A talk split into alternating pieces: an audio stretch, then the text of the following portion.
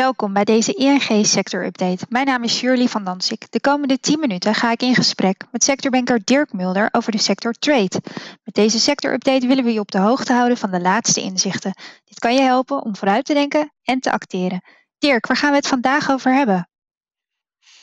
Ja, we gaan het hebben, in het kort gezegd, over, eh, over de groothandel. Hè. En de groothandel die heeft een uh, ja, voorraadhoudende functie. En uh, veelal zie je daarbij ook de, uh, de logistieke functie een belangrijke rol spelen. als je terugkijkt hè, naar 2020, wat valt jou dan op voor de, voor de groothandel? Wat is bijvoorbeeld de impact van corona op de sector geweest?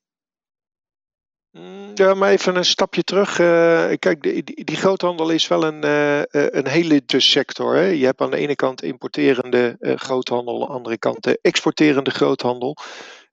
maar die groothandel is ook heel erg afhankelijk van, van zijn afzetmarkt.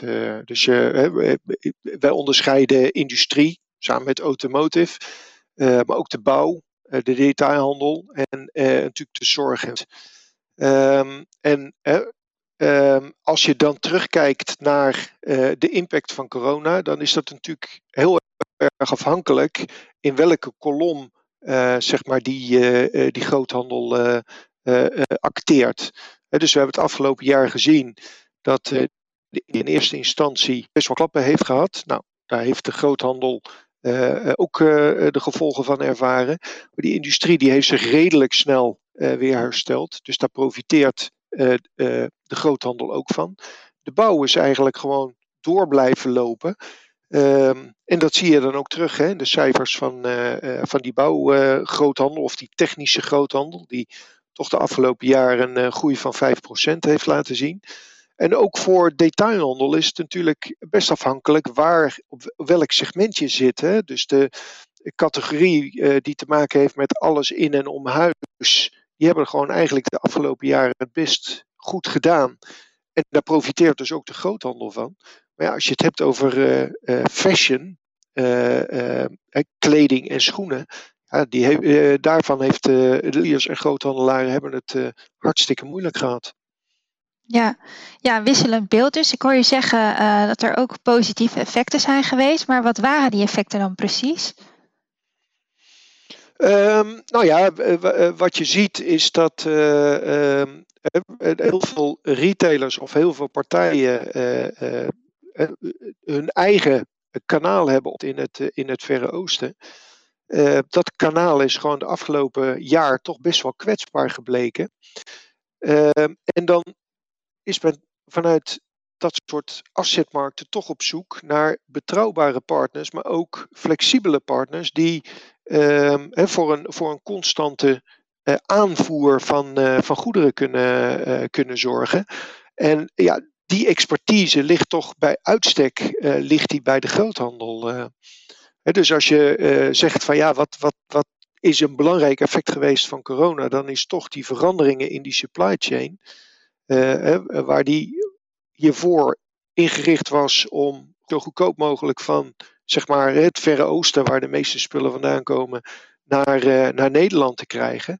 Uh, zie je nu dat het, uh, dus de betrouwbaarheid in de aanvoer en de juiste spullen op de juiste plaats op het juiste moment geleverd te krijgen, dat dat belangrijker wordt.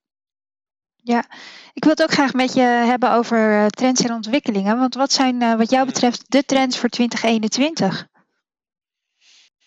Nou ja, digitalisering is natuurlijk uh, de belangrijkste trend uh, die op dit moment speelt. Het, is, het is niet nieuw, het is al langer aan de, aan de gang, maar we zien wel dat corona zorgt voor een versnelling en dat we nu op een positie zitten waar we eigenlijk verwacht hadden over vijf jaar pas zitten. Nou, als je naar de retail kijkt, is dat natuurlijk het meest treffende voorbeeld. Uh, maar dat heeft natuurlijk ook impact op de hele keten die daarachter zit. Uh, en, neem even die retailers, die uh, krijgen een steeds groter palet aan producten en die vragen toch aan die leverancier om een deel van die voorraad van hem over te nemen. en zelfs dat die groothandel zich er zo op inricht dat zij rechtstreeks voor die retailer richting zeg maar de consument leveren. En dan zie je hè, dat behalve die webshops, dat platformen, hè, en dan doel ik op Amazon.com en Bol.com, die zeg maar hun site ook beschikbaar stellen voor retailers en leveranciers. Uh, dus voor, retail, of, uh, voor leveranciers ook de mogelijkheid bieden om rechtstreeks uh, met hun klanten, de consumenten, te communiceren.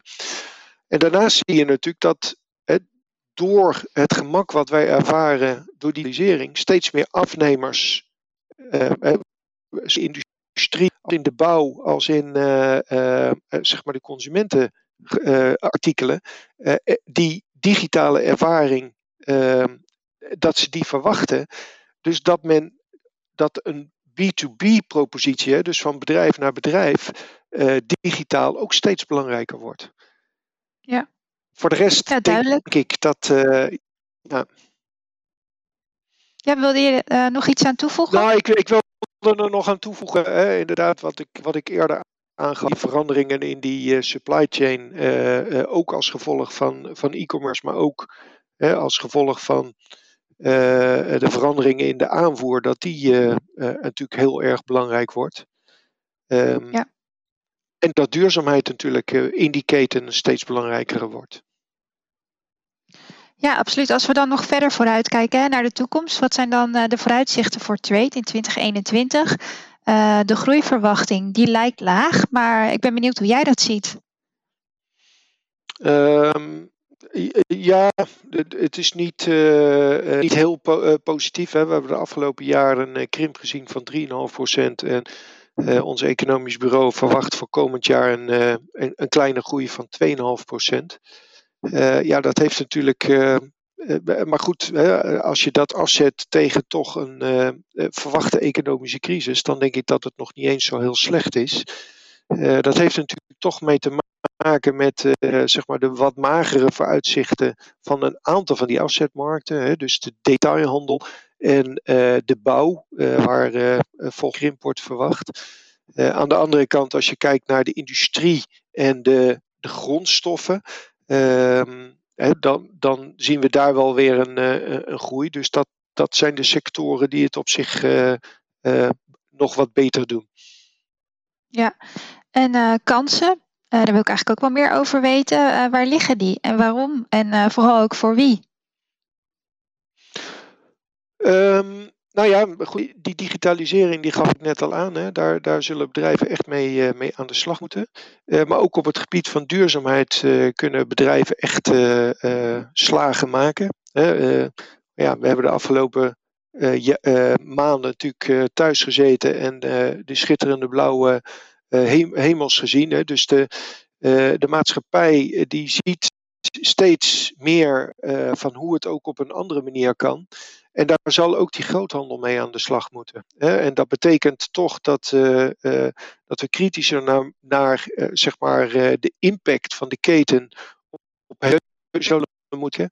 En denk dan aan aspecten aan het produceren van die, de producten met de juiste grondstoffen, biologisch katoen, duurzaam hout, maar ook een, stukje verspilling hè, in, in deze consumptiemaatschappij. Alles wat we weggooien, dat is natuurlijk niet duurzaam. Maar ook alles wat we, wat we vervoeren moet op een of andere manier verpakt worden. en die verpakking, daar zullen we toch ook naar moeten kijken of dat efficiënter en beter kan. En daar ligt natuurlijk een, eh, een enorme uitdaging voor de groothandel. En dat is natuurlijk hè, de, de, de verantwoorde productie. Uh, dat we in ieder geval, uh, wat we de afgelopen tijd gezien hebben, dat als die productieketen tot stilstand komt, wat voor een effect dat ook heeft op die productielanden. En dat we daar natuurlijk ook op een fatsoenlijke manier mee omgaan.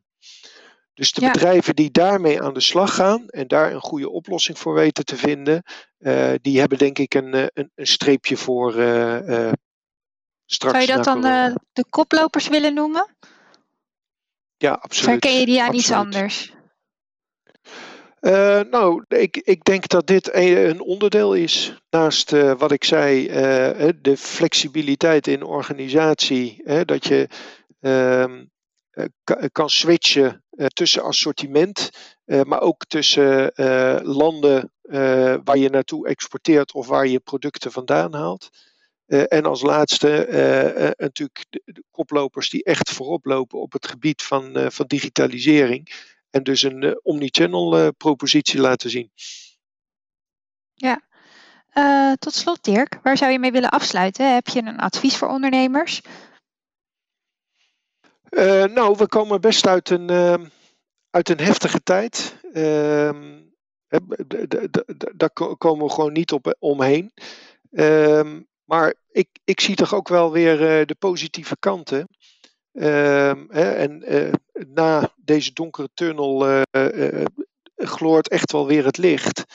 En ik denk dat bedrijven die de afgelopen eh, periode toch de mogelijkheid aangegrepen hebben om een bedrijf nog eens goed tegen het licht te houden, die duidelijk gecommuniceerd hebben met hun afnemers en met hun leveranciers, met hun personeel en alle partijen die daar omheen zitten, die de tijd genomen hebben om nu misschien gevallen wat rustiger toch nog eens eventjes naar hun keten en hun businessmodel te kijken.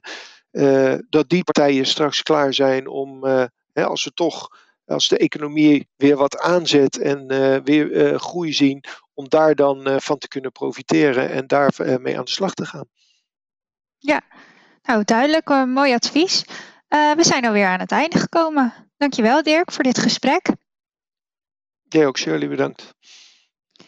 Uh, fijn dat je hebt geluisterd. Wil je meer informatie hebben over je sector? Bezoek dan ing.nl, schuine sector, of ga met ons in gesprek. Graag tot de volgende keer.